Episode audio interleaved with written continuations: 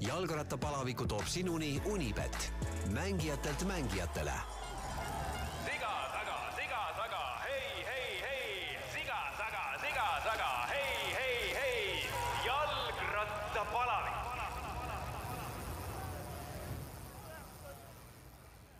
tere, head kuulajad, meil on oktoobri lõpp ja eelmisest saatest on päris palju mööda läinud, juba on küsitud, kas jalgrattapalaviku podcasti enam ei tulegi, tuleb ikka. meil on jah tekkinud väike paus sisse, no vaatame juba tegelikult veninud pea nelja nädala peale, aga selles mõttes me oleme ikkagi teinud oma tööd ausalt, et ehm, kaks saadet kuus, üks oli oktoobri alguses, teine tuleb nüüd oktoobri lõpus ja tegelikult mõlemad külalised, kes siin oktoobrikuus on käinud, Kalju Koch siis eh, oktoobri alguses. Ja nüüd ähm, Laura Lepasalu, keda ma usun, me saame täna kuulda noh, päris äh, huvitavate teemadega, et äh, Laura, tere tulemast sulle kõigepealt, et õnneks jõuab Tartu inimesi ka siiakanti, kuigi üsna, üsna harva ja, ja see võtab natukene aega. aga selles mõttes me saame rääkida huvitavatel teemadel, et võib-olla natukene filosofeerida jalgrattaspordi ja naiste temaatika üle, et kui keeruline on naisena jalgrattaspordis äh, hakkama saama.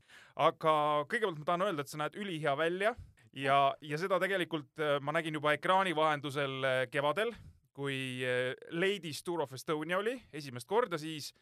Ja minu jaoks väga ootamatult olid sina stardis seal, mitte ainult sina, aga seal oli tegelikult võib-olla selliseid sõitjaid veel, keda noh, justkui ei oleks oodanud sinna starti, aga ma saan aru, et sündmus Eesti mõistes oli kõva et ikkagi UCI kategooria võistlus toodi koju ja selgub, et olete salaja ka treeningutel käinud, et äh, ikkagi oli selline vorm, et võis täitsa startida.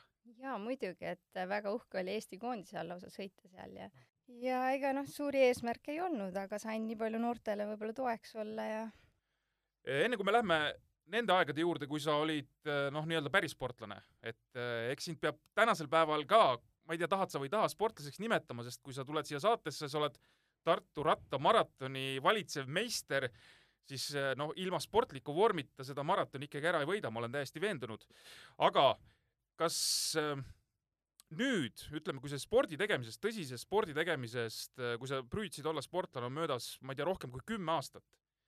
kas sinu jaoks on mingisugused asjad elus kardinaalselt muutunud, et sa võib-olla tänasel päeval oled äh, kõige paremas vormis, mis sa üldse elus oled olnud, et sa oled kuidagi mingid asjad selgeks mõelnud, mingid asjad tulevad äh, kuidagi lihtsamini kätte või on arusaadavamad või millest see tuleb, et sa tänasel päeval, ma julgeks küll öelda, oled, äh, oled nagu noh, selgelt paremalt sportlikus vormis kui siis, kui sa sportlane olid?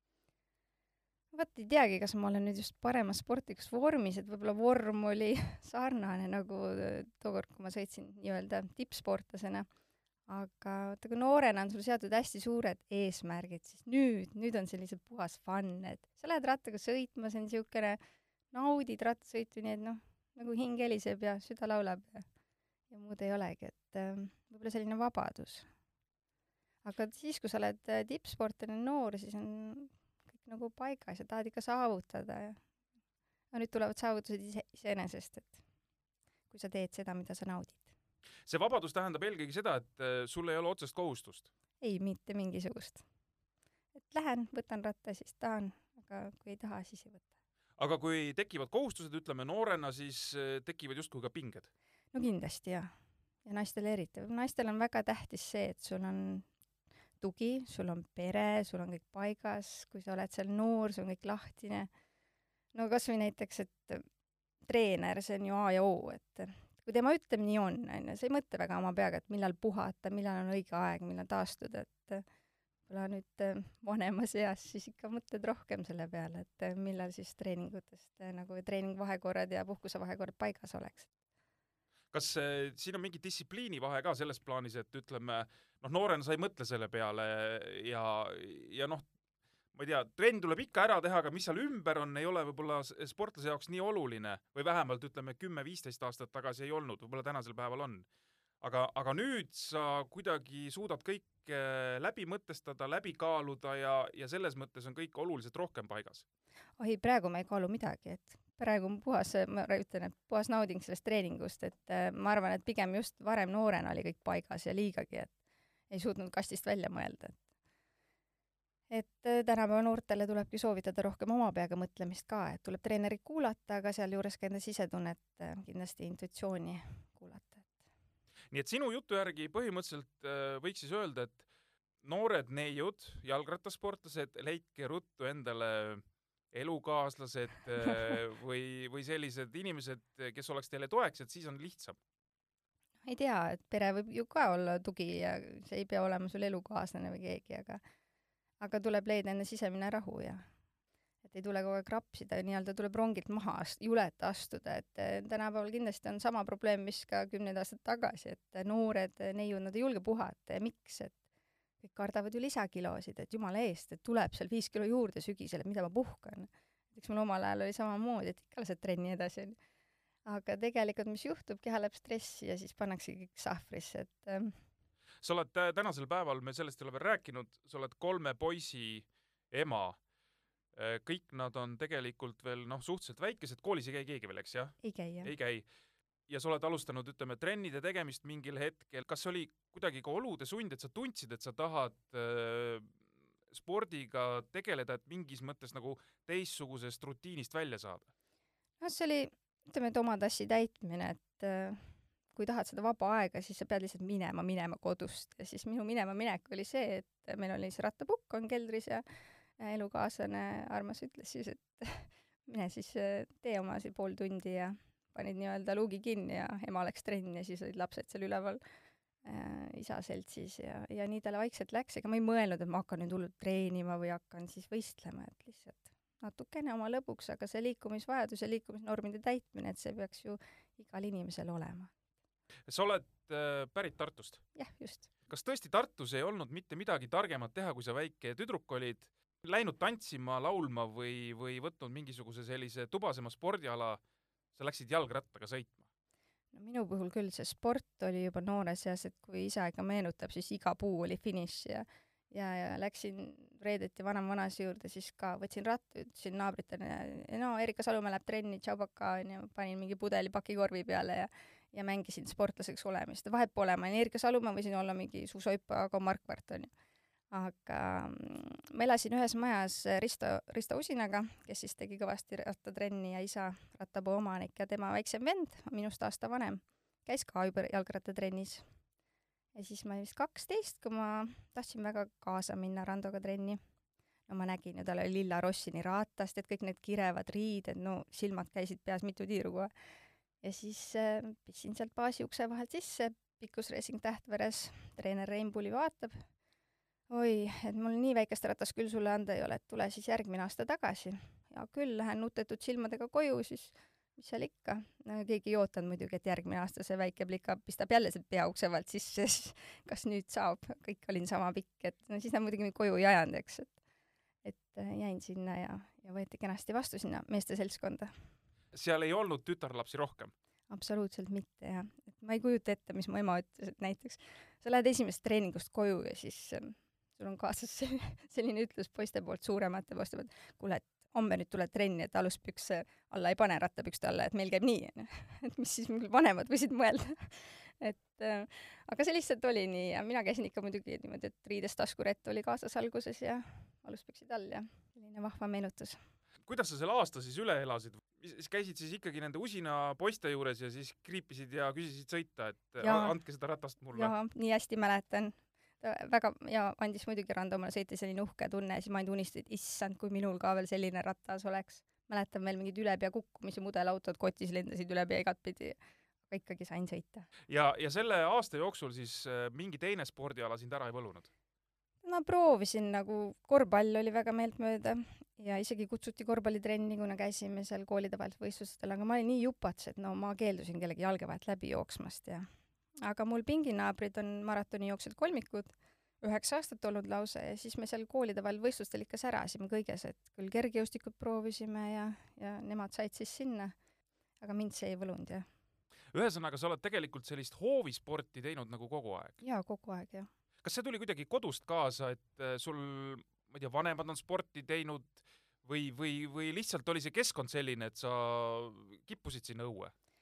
Vanemad ei olegi üld- üldse sellist äh, tippsporti kindlasti mitte, et oma hobiks mingid äh, tantsimised ja asjad, aga ka mina võib-olla olingi selline hoovisportlane, võib-olla see keskkond soosis lihtsalt, võtsingi, läksin, kas võtsin tennisereket ja läksin trenni tegema, ma ei tea, mulle meeldis see sportlaseks olemine, et kui ma vaatasin telekas spordivõistlusi, siis äh, ma ei tea, pisarad silmas, vaatad, kui keegi võidab ja noh, senimaani muidugi. et see lihtsalt pakub sellist mõnusat emotsiooni. Nii et sul on selline sportlase hing sees täitsa olemas? Ikka täitsa jah, see on vist sündides mingi patoloogia, ma ei tea. kui sa nüüd sinna Tähtvere baasi ükskord äh, jõudsid, nii nagu sa rääkisid äh, ja, ja olid need esimesed äh, tarkused kätte saanud sealt vanemate poiste käest, kuidas edasi minema hakkas, et ega lõppkokkuvõttes alguses võib-olla on väga huvitav ja tore, aga mingil hetkel ju tuleb ikkagi see rutiin ka. Ei mäletagi rutiini, kogu aeg oli nii põnev, et need talvised trennid, mis vanasti tehti, ma mäletan Tiigi jää peal mängiti jalgpalli ratastega, et eh, millised oskused tulid, et ma ei tea, et kui paljud tänapäeval seda teevad, mängisime jäähokit, me jooksime, suusatasime, uisutasime, no kõike, kõike, et no mis sa veel tahta, tahad saada, eks ole, et ühest spordialast. kui ma mõtlen tagasi, siis ma tegin kõike, onju, ja, ja see kindlasti andis väga palju juurde, et kaua sa olid seal siis päris üksinda, ma mõtlen nagu tüdrukute või, või neidude hulgas, kas jäidki või ikkagi mi- mingil hetkel tuli kompanjone ka? tead, pikkusracing Tähtvere klubis ma ei mäletagi tüdrukuid üldse, et seal oleks olnud, et võib-olla pärast, kui ma läksin Jüri Kalmusella trenni, siis meil küll tekkisid seal juba oma seltskond ja millal see vahetus toimus? viis aastat äkki olin Tähtveres või? kaks tuhat neli, okei okay,, ma panin sind tähele, oli kaks tuhat kolm maailmameistrivõistlused Hamiltonis. Kanadas sa olid siis vist, kui ma vaatasin üle, juunioride noorem, et äh, noorem vanus, aga sa olid juba Eesti koondises ja said käia tiitlivõistlustel. kas see oli kuidagi no auga välja teenitud selles plaanis, et, et sa olidki tugev ja, ja jõudsid sõita või kuidagi Eesti tüdrukuid, kuidas ma ütlen siis, premeeriti, et võeti tiitlivõistlustele kaasa? no pigem see viimane variant ja et palju meid ikka siin oli ja Liiv Paet, Katariina Normak mäletan, aga palju meid ikka oli, eks, et võib-olla oligi see väike preemia jah, siis aga ega ma ju tundsin, et ma nii tugev ei ole, et pigem olime kogu aeg ületreenitud, kui ma tagantjärgi mõtlen. siis sa tegid sporti juba selliste tõsiste eesmärkidega või jaa, minul olid kogu aeg eesmärgid. iga täht, mis langes, ma soovisin ikka olümpia võita, siis ühel hetkel sain aru, et issand, et ega väga ei, vist ei, seda küll nüüd ei tule. ja siis, siis läksid need eesmärgid teiseks, aga olümpiale ma tahan minna si siiamaani, et kindlasti lähen ka, aga mitte siis muidugi sportlasena, vaid ikka taustajõuna. et ära ma seal käin igatahes. nii et sul on tegelikult olnud eh, lisaks sellele, et sa ütlesid, et sul on selline spordihing, siis tegelikult selline saavutusvajadus on ka olnud. alati jaa, no see käib kooskõlas. minu meelest on mõned sportlased on sellised, et kes eh, noh, tahavad olla kusagil seltskonnas või noh, selles mõttes, et jõuavad mingi tasemele, kas ma nüüd noh, päris võidan või ei võida, võib-olla see ei olegi oluline, aga just see, et noh, ma ei tea, ma olen kuulunud Eesti koondisesse või midagi, aga sind eh, sellised asjad pigem ei rahuldanud. võita on ikka alati tore, noh, seal teine-kolmas koht on ka hea, aga kui sa oled võitnud korra ja selle maitse suhu saanud, siis sa küll enam teine olla ei taha. Käisid kaks tuhat kolm tiitlivõistlustel, see vist oli esimest korda, eks, ega ju Jah. tüdrukud või, või teil ei olnudki vist mingisuguseid rahvusvahelisi võistlusi väga varem või? ma ei mäleta, kuna see euroopakad olid kaks tuhat neli vist Otepääl, et seda ma mäletan väga jaa, kaks tuhat neli Otepääl, Jaa. ja ka siis ennem võib-olla saime nagu lihtsalt rahvusvahelist mekki Leedus maitsta, et, et seal ma nägin esimest korda, mis masti naised on ja kuidas see võidusõit käib, et Eestis ju ainult siin tegelikult meestega, et see on hoopis teine maailm, et kui sa lähed sinna ja tüdrukute keskel ainult sõidad. Ma vaatan kahe tuhande neljandal aastal, kui sa ütlesid, et Euroopa meistrivõistlused olid Tartus, siis MM või maailmameistrivõistlused olid Itaalias Veronas ja sa osalesid seal ka ja, ja lõpetasid grupisõidu viiekümne kolmanda kohaga, see koht kohaks, aga seal olid eh, stardis tegelikult hilisemad supernaised. Marianne Voss, Marta Bastianelli, Ellen Van Dijk, Van Dijk ja, ja Voss eh, ja äkki Bastianelli ka, ma ei tea, sõidavad ju tänase päevani ja sõidavad mm. -hmm. väga kõrgel tasemel, et kas seal see, ütleme, nähtu, ma arvan, nad olid seal ka juba väga tugevad, kuidagi ehmatas ka, et või vastupidi, see jälle, kui sa näed, et, et võib-olla on mingeid vajakajäämisi ja, ja see vahe on suur, et, et paneb lihtsalt rohkem tööle. Võib-olla see Ellen Van Dyke ehmatas mind selle poolest, pärast võistlusi ma mäletan, ma seisin ta kõrval ja siis kas poisid kommenteerisid või keegi, issand, et ta on nagu ema sul kõrval, et ta on tõesti suur, nagu mina mingi väike käbi, no ja nii oligi, et aga pigem ehmatas mind see esimene kogemus, ma mäletan Leedus, et kui ma seisin seal eraldi stardis ja ootasin oma järjekorda, siis ma lihtsalt jõllitasin leedukaid, et oli see vist Rasale Levite, keda ma jõllitasin, vaatasin, issand, miks mina siin niisugune pehmekene olen, et temal veresooned väljas, lihased, nii ilus ja siis muidugi pärast äh, tõi nagu Londoni olümpial vahele ja tegelikult see sisetunne ütles, et no ta ei söö ju mannaputru ainult, et see ei ole võimalik lihtsalt, et mida, mida peab sööma, et niimoodi saada sellist, selliseid lihaseid. Voss ja nemad on, nemad on nemad ja mina olen mina, et noh, ma ei arvanudki, et ma ei tundnudki ennast tugevana, nii et pidin leppima sellega lihtsalt. aga sa tegid ikkagi sporti, ütleme sellisel tasemel, et sa mingitel aastatel, vist võibki öelda seal mingisugune kaks tuhat neli kuni, kuni kaks tuhat kaheksa, sa olid Eesti teine number tegelikult äh, Grete Treieri järel ja, ja Eesti meistrivõistlustelt sa võitsid palju medaleid, ma vaatasin eraldi startides lausa kas äkki mingi neli-viis medalit. eraldi start ei ole mulle kunagi meeldinud, aga jah, grupisõidud läksid täitsa hästi ja tegelikult ma võin öelda, et karjääri jooksul vist kaks tuhat kaheksa, kus ma Prantsusmaal olin amatöör, siis äh, seal olin võib-olla oma kõige tugevam siis, kõige paremas vormis. kuidas see Prantsusmaale saamine käis, olid äh, ühes tiimis äh, sellise legendaarse naisega kui Jeanni Longo. tema oli jah siis juba profitiimis, et mitte Chambéry amatöörklubis, et ja no amatööriks me saime niimoodi, et äh, tänu Jaan Kirsipule, kes meid siis oma hõlma alla nii võttis, elasime tema korteris seal ja, ja oota, aga miks ta võttis teid oma hõlma alla? ta on lihtsalt nii hea inimene, et tahtis aidata Eesti naiste rattasporti, et muidu me siin kastis kinni ja meil ei olegi mingeid väljundeid. kas te ise uurisite võimalust, et saaks välja sõitma minna või? noh, ilmselt treenerid ja ja siis meil tekkis selline võimalus, et siis vaba korter ja me vist alguses olime seal Liiba, Liisa Erberg ja kellega me olime seal ja siis mina jäin ka sinna amatöörtiimi veel. ja siis ühel hetkel öeldigi, et nüüd klapp kõrva, Laure, sind jälgitakse võidusõidul, et Prantsuse karikatapid läksid mul väga hästi tegelikult, et võib-olla üks kevadise esimese võistluse võtsin näiteks finišis kohe Prantsuse äh, trekispindi meistrit, mina, eks, kes ei ole üldse sprinter. Ja siis ma jäin juba silma, et vaadatigi, kes see tegelane on ja läks järjest paremini, et ei olnud üldse paha vorm ja kõik, aga aga seal tulid juba terviseprobleemid ja põhimõtteliselt üks jalg kadus alt ära, et selline närviprobleem, et ei kannata kaua aega sadulas istuda ja see järjest süvenes muidugi. aga siiski mul olid äh, väga ed edukas too aasta, et oota, kaks tuhat kaheksa sa olid siis lõpuni amatöörtiimis või sa said juba sain augustikuust juba selle profilepingu nii-öelda ja siis sain mm -hmm. esimese stažöörina selline Tour de Ardèche'il proovida siis profitiimi võlusid, mis oli väga äge kogemus. ma ei mäleta, mis aasta see nüüd täpselt oli, aga me olime Tour de France'il jälgimas äh, Rein Taaramäed ja siis Grete Treieril oli kusagil seal lähedal oli, oli velotuur ja me läksime vaatas, no ühesõnaga, et me saame korra minna sinna ja Gretega juttu ajada. Ja siis äh, ta rääkis nendest oludest ja tingimustest, mis nad seal, kus nad elavad ja mis nad teevad, see oli meestega kui öö ja päev ma tänapäeval ei tea midagi, et kas see on öö või päev, aga tookord oli muidugi oli see öö ja päev, et et meil veel eriti seal Prantsusmaal, ega meil palka midagi ei makstud, et lihtsalt sa pidid leidma omale ise seal ja ja sponsorid ja asjad ja ma ei saanud kaua seda profielu nautidagi, sest äh, lihtsalt see klubi läks pankrotti. et olid seal mitte väga osavad tegelased eesotsas ehk see kaks tuhat kaheksa sa said seal proovida ja kaks tuhat üheksa seda klubi enam ei olnud või? kaks tuhat üheksa jaanuaris öeldi jaa, et vali, noh, amatööriks tagasi ja vot siis sellel hetkel tekib see tunne, et see Kanksi lause oli, et äh, kui sõita enam ei jõua, siis äh, lõpeta ära, eks.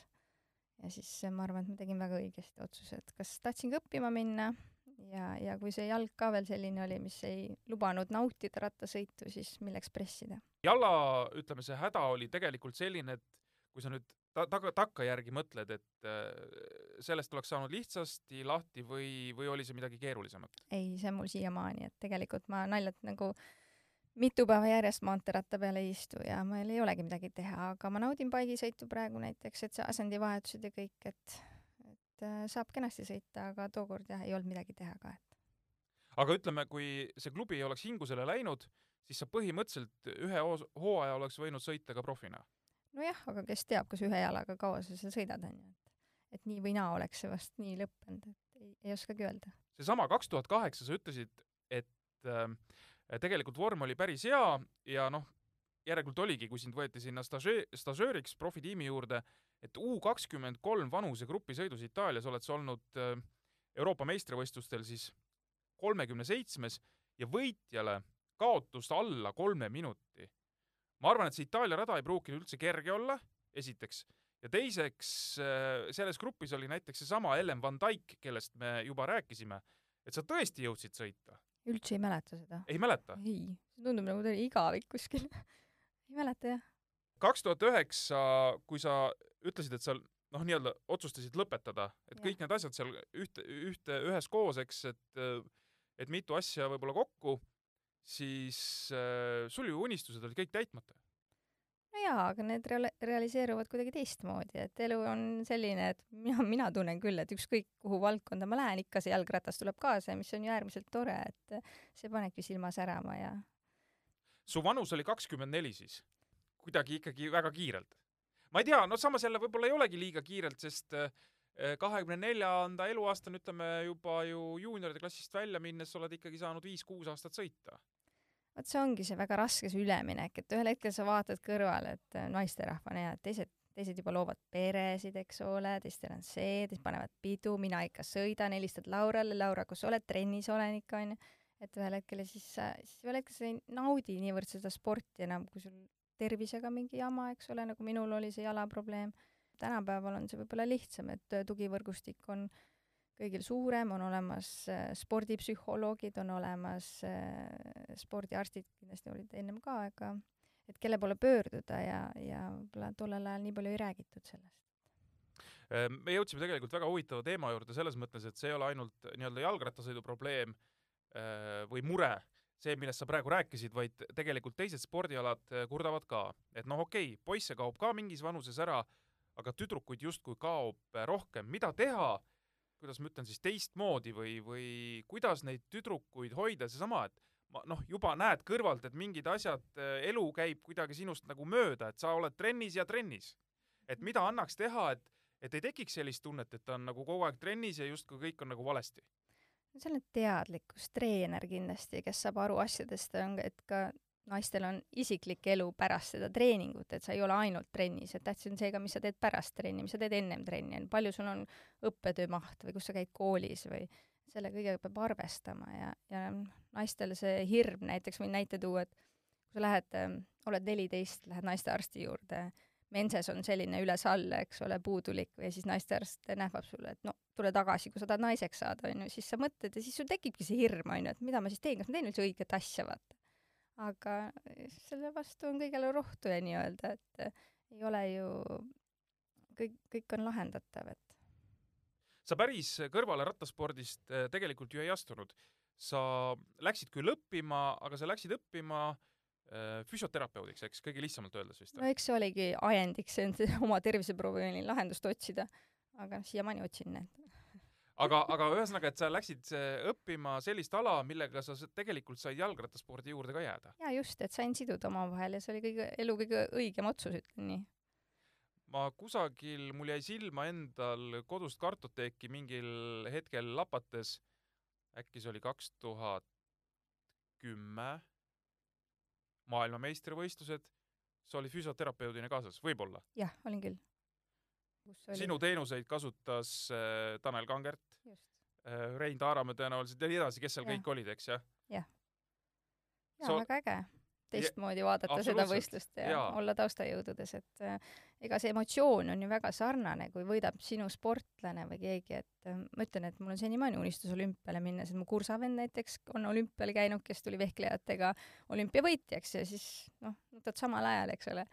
Aga see emotsioon on väga ligilähedane. hing ei ole haige, kui sa oled sealsamas äh, karussellis, okei okay,, sul ei ole võib-olla mingeid väga suuri tulemusi ette näidata, aga sa lähed MM-ile, sa oled hoopis teises rollis ja siis hing jääb haigeks, kui sa näed, et su konkurendid sõidavad. ei, absoluutselt mitte. et päris mõnus on seal raja ääres ka olla, vaadata, kuidas teised higistavad. et jõuab ise ka sõita ja see on lihtsalt, see ongi see nauding, et kui tahan, siis lähen, tahan, ei lähe, et mul ei ole mingit kohustust.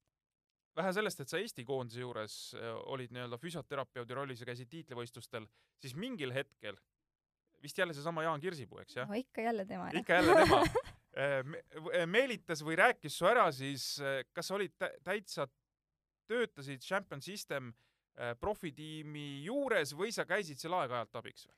ei, ma täitsa töötasin seal ja et kui Jass sellise võimaluse välja pakkus, ega ma vist kaks korda ei mõelnud ka, et jess, minema ja tööle ja äge. See oli ikka selline elukogemus ja jälle silmaringi avardamine, et väga tänulik talle. oota, see nüüd tähendas mida? et me teame, et see Champion System oli registreeritud Aasias, aga kas te olitegi rohkem Aasias? no alguses küll jaa, kõik need laagrid olid seal Lõuna-Hiinas kuskil Wushishanis ja Hongkong, Peking ja, ja siis äh, baas oli meil Belgias, et päris palju rännatud ringi. vahepeal ei saanudki aru, kas sa oled nagu füsio või oled sa siis autojuht või vahet ei ole, et selline kokk, kondiiter, keevitaja. Eh, kuidas selline noh, jällegi töö kindlasti on mõnes mõttes huvitav, aga teisest küljest äkki hästi väsitav ka või? no kindlasti, aga tollel hetkel nagu pere ei olnud ja väga-väga äge oli, et seda pere kõrvalt teha sellist tööd on väga keeruline, ma arvan. kui sa nüüd äh, oled seal kuskil kaugel Hiinas äh, või Hongkongis või kus iganes, siis äh, naisterahvastel võib juhtuda, äkki, äkki jäävadki sinna. no ei, sellist tunnet küll ei olnud, et sinna tahaks jääda. Õnneks. et äh,, et kuskil kaugel elama ei tahtnud ja ennast sättida. võib-olla pigem just, et sa näed neid vaesemaid piirkondi ka seal, et kui me laagris olime Wushishanis, et ja see paneb elu üle ikka järele mõtlema ja nii-öelda positiivselt järele mõtlema, et mis minul kõik on olemas ja mida ma ei vaja tegelikult üldse, et ennast hästi tunda. selline väga eluline kogemus. nüüd sa saad need äh, Champion Systemi kõige mustemad lood ka ära rääkida, et äh, mis äh, meie mehed siis seal Jaan Kirsipuu ja Mart Ojavee korraldasid, et, et kui nad kodust nii kaugel on, siis äh, äkki siia ei ole jõudnud need asjad? teagi, mis Hiinas korraldati, see Hiina jäi, et ei oska, ei mäletagi hästi. no nii nad räägivad, et ei mäleta, ei ole olnud. ei mäleta, mida, mida ei mäleta, seda pole olnud jah. siis, aga, aga veel sealt edasi sa läksid ju ka, eks jah, seal oli siis, kas olid, aitasid Astana tiimi? jah, ja jälle Jass muidugi, et aitas sinna ja, ja Boorat aitasin ja väga äge. sellised mm, paar velotuuri lihtsalt. mis see tähendab, kui sa lähed nii- nii-öelda teist, noh, ma ei saa öelda võõrkehana, aga sa lähed inimesena, kes igapäevaselt ei ole tiimi juures, kas noh, ütleme, sõitjad on siuksed ka, mõni võib-olla pirtsutab, mõni on selline täheke seal võib-olla, noh, mõni on kindlasti väga sõbralik, et said sa seda ka tunda, et, et on ini-, erinevad inimesed eh, oma, oma tujudega? no eks kindlasti neid on, aga õnneks nagu minu käe all või ei olegi sellist kogemust, et keegi nüüd väga pirtsakas oleks või midagi oleks halvasti öelnud, et kõik on väga rahulolevad, üldiselt on ratturite seltskond üldse kokkuhoidev ja chill, et mingil hetkel sa ikkagi tõmbasid sellele joone alla. No joone tõmbasid lapsed alla, et siis kui juba pere tuli ja siis enam ei saanud nagu niimoodi käia, jah.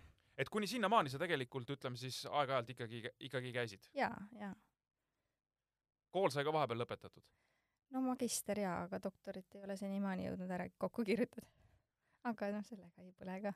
aga mingil hetkel see tuleb. kindlasti jah. doktor kõlab juba selliselt, et siis järelikult eh, sa jagad oma teadmisi juba noorematega. et äh, ülikoolis pra- praktiseerin õppejõuametit ja on ka omaette kogemus ja väljakutse praegu.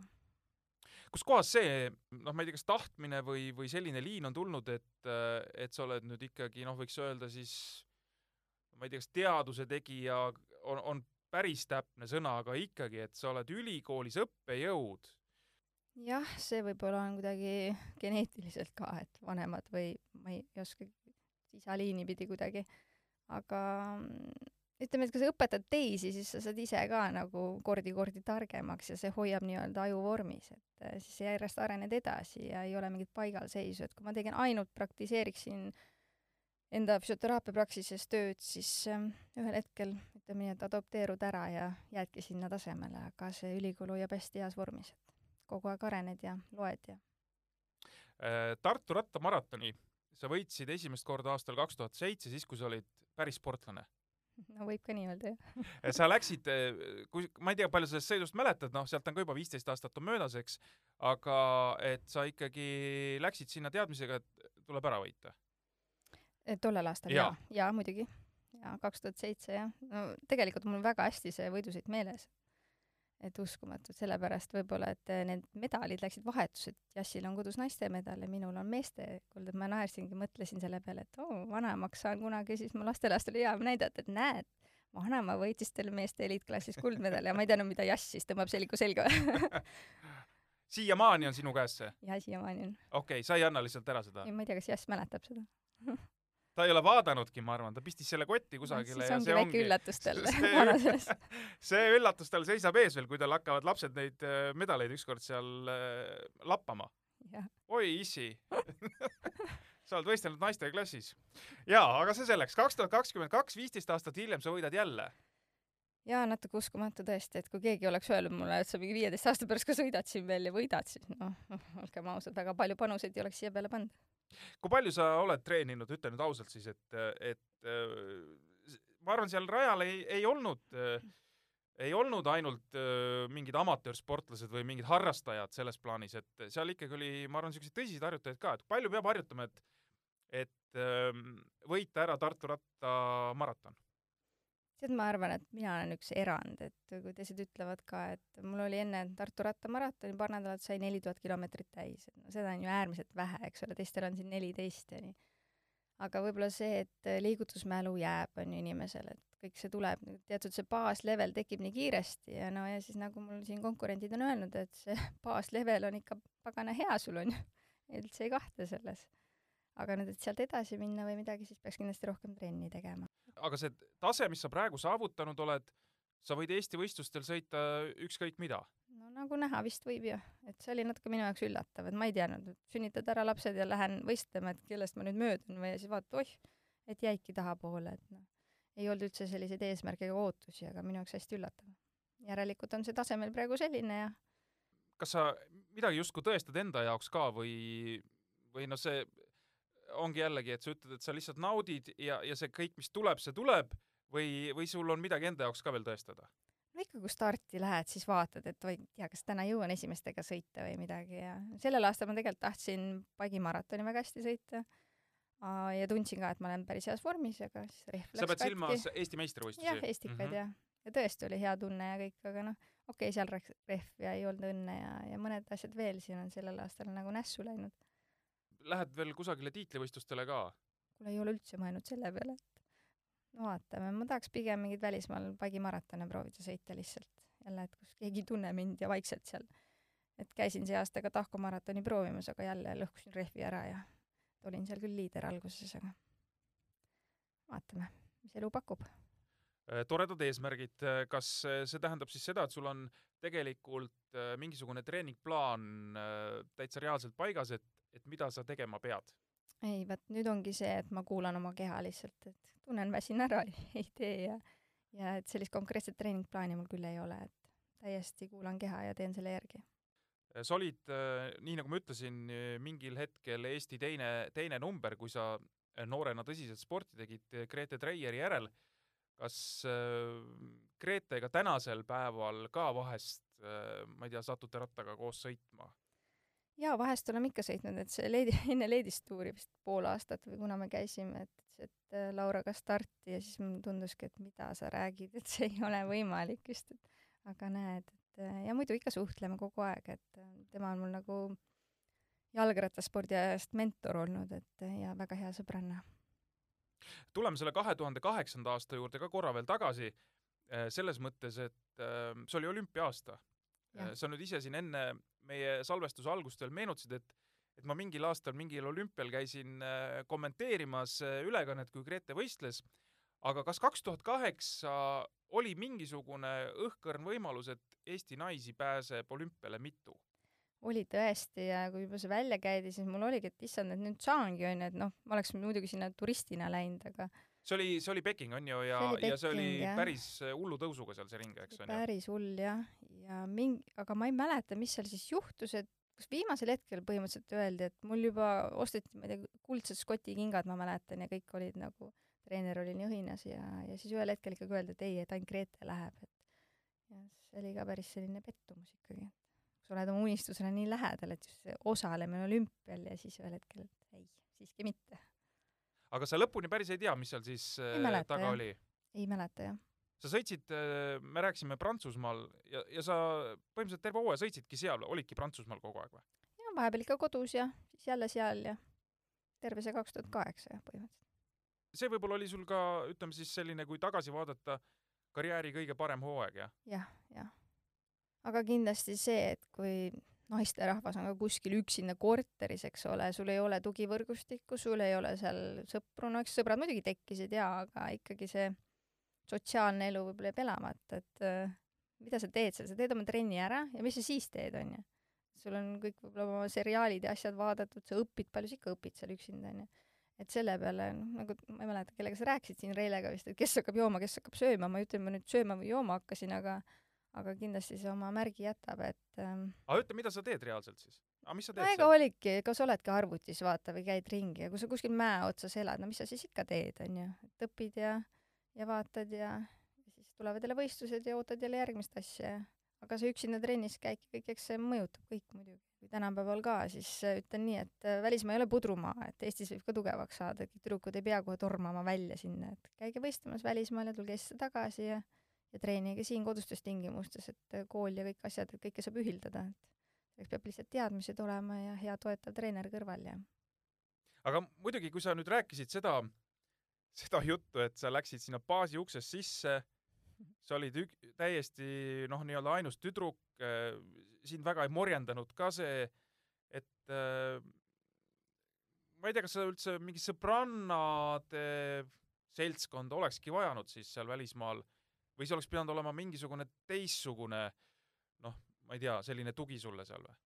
aa ei, see ei ole vahet, kas on siis tüdrukud, poisid, et see, see, see ei määra üldse ro rolli, et ähm, lihtsalt võib-olla hea seltskond, et no näiteks ma olin ähm,, ma ei mäleta, kas kümnendas klassis, kui vana ma siis olin, noh ilmselt siis mingi viisteist, kuusteist? jah, just kuusteist vast, siis ma olin kaks, kak-, üle kahe kuu olin leedukatega koos äh, Prantsusmaal laagris ja seal oli ka näiteks Ignatas Konovalovas, kes praegu sõidab FDŽ-s ja seitsmekordne Leedu meister, eks, et ähm, ja kolm possi, kolm tüdrukut, sa lähed sinna, keelt ei räägi, onju äh,, treener inglise keelt ei räägi, lõpuks hakkad ise leedu keelt rääkima, siis äh, põhimõtteliselt terve see vene sõnaraamat on peas juba. aga, aga see on ikkagi seltskond, onju, et sa ei ole üksinda kuskil mäe otsas, et et see on kindlasti jälle niisugune elukogemus. kuidas sa sinna said? Äh, vist tolleaegne treener Aavo Pikkus oli suur sõber selle Leedu treeneriga ja, ja siis tema kaudu. kuidas selline laager mõjus? väga kurnavalt, tagantjärgi mõeldes, et kolm korda päevas trennid ja see, see oli läbiküpsetamine, et see võib-olla need jah, tugevamad jäid ellu, ütleme nii, ja näed, on seal profiklubis, aga jaa, aga see, aga see oligi see vene kool see oli vene kool, jah. just, et, et see seal... oli ikka jõhker, no, et sa ärkad üles ja kohe puki peale ja siis edasi ja siis uskumatu ja et seda nagu meenutada, mäletan, kus kuskil Prantsusmaal Rene Mandri võtsime treeningpäevikut, tohib me vaatame, siis muidugi. Vaatasime kuskil märtsikuus üheksakümmend kaks treeningtundi, issand, Laura, ma oleks surnud selle aja peale, näed, ma veel elan.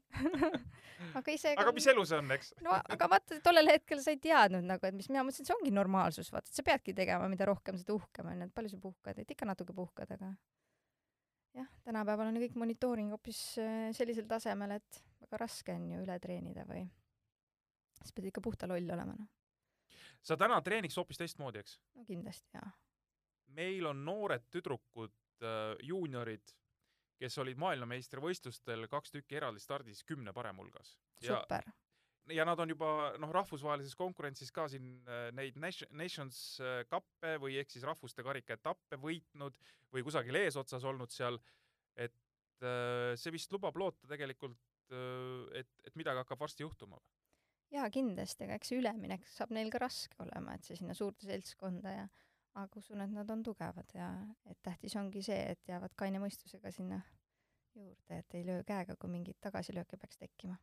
aga see on huvitav mõlema tüdruku juures, ehm, jutt käib siis ehm, Ebrasest ja, ja Sanderist, et ehm, nad on noh, fanaatikutest pereisadega siis, kes tassivad ja, ja on seda teinud aastaid ja ma ei tea, see tehnika ja kõik, mis nad on ise muretsenud ja nii edasi, nii edasi.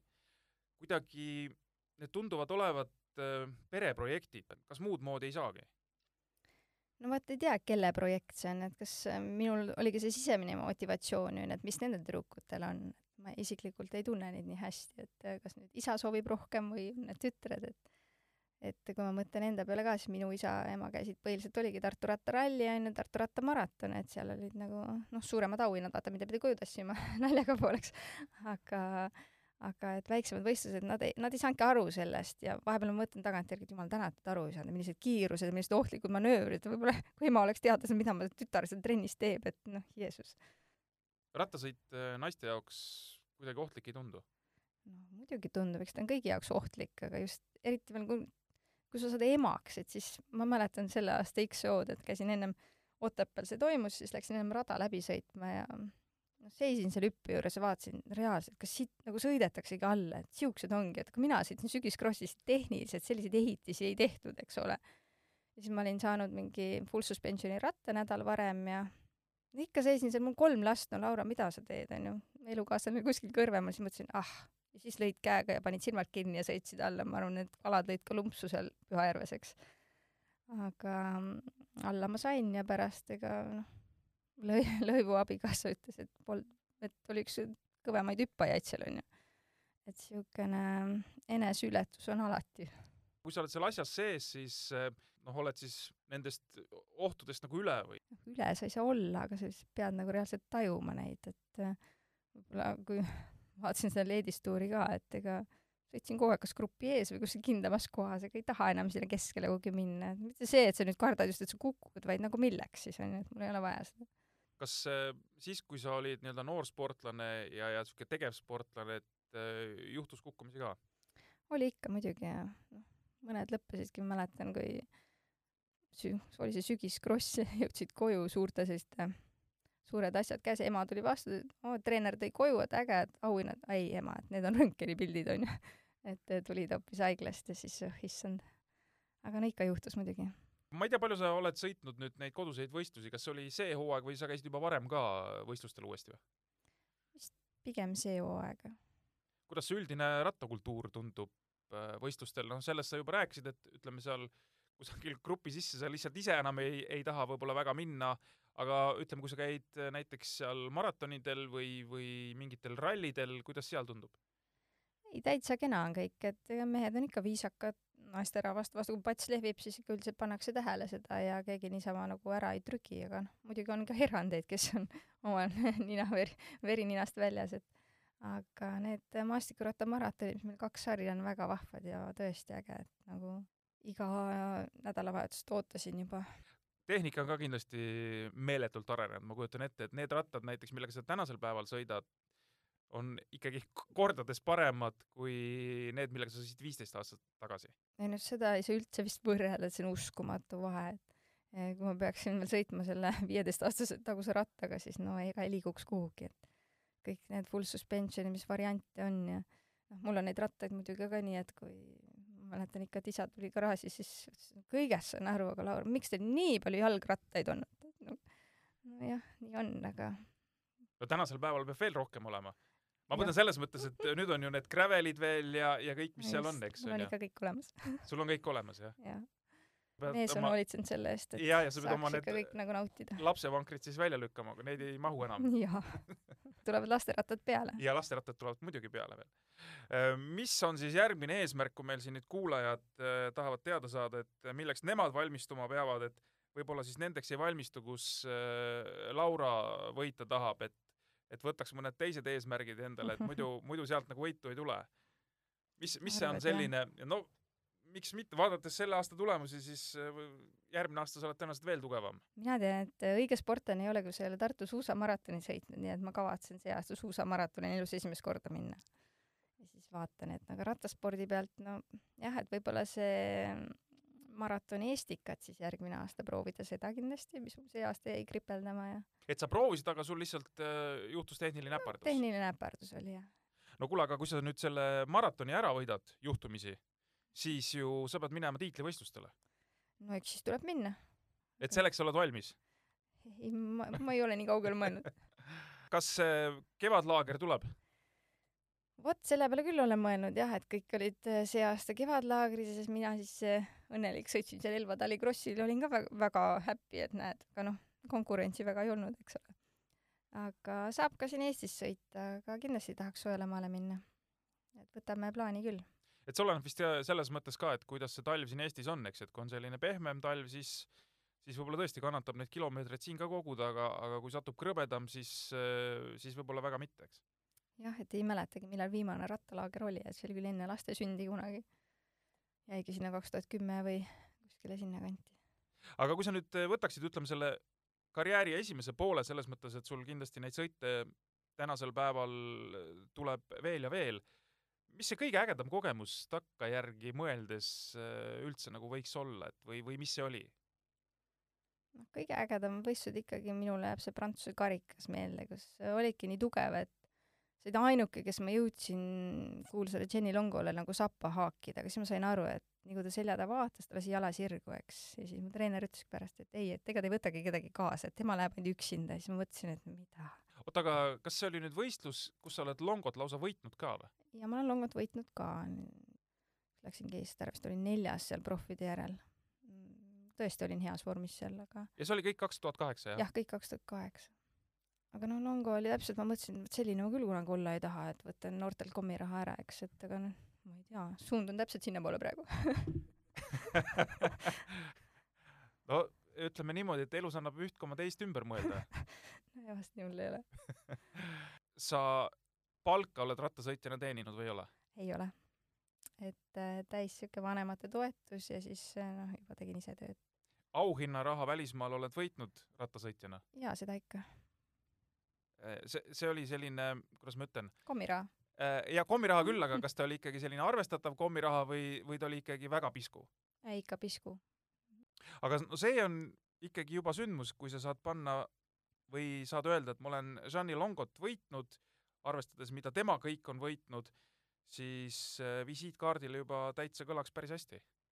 no eks sinna saab kõike kirjutada ju jah, aga Tartu Ülikooli õppejõud, muuseas võitnud ka Jeanni Longot. no näed, kõlab päris hästi kõlab päris, kõlab päris hästi. tore, Laura, et sul oli mahti siia tulla, ma ei tea, kas me nüüd eh, kõik teemad päris eh, ära rääkisime, aga see on selles mõttes tore, et naisi või tütarlapsi ka rattaspordi juures on, kuigi kuigi eks neid arvamusi seinast seina, et kes võib-olla jätkuvalt arvavad, et naistele see jalgrattasport kõige paremini ei sobi, noh, selles plaanis, et ta on ikkagi raske ja, ja seal juhtub ka igasuguseid asju. teisest küljest ma vaatan praegu, mis rattamaailmas toimub, siis naiste profiklubi omamine on vaata et üks kõige prestiižsemaid asju üldse, et äh, see ja, ja isegi noh, veel laiemalt vaadates, siis see naiste sport äh, kasvab mühinaga. jaa, auhinnarahad on ka juba ju võrdsustunud, et äh, ja kasvabki ja seal on ainult rõõm ja, ja loodame, et tuleb Eestis ka neid noori tüdrukuid peale, et no nii, ütleme siis kõikidele tüdrukutele ja, ja miks mitte ka täiskasvanud naistele, et äh, nautige rattasõitu, eks. Kõik ei pea käima võistlustel, aga niisama võib ka linna vahel sõita ja, ja see mõjub ka kindlasti hästi. aitäh, et meid kuulasite, see oli siis meil oktoobri teine saade. meil tuleb novembris ka veel äh, kaks podcasti, siis teeme pisukese pausi. veel kord suur-suur tänu sulle, jõudu-jaksu ja ära siis spordiga võib-olla ka üle pinguta, eks. kindlasti mitte. aitäh kõigile, kuulmiseni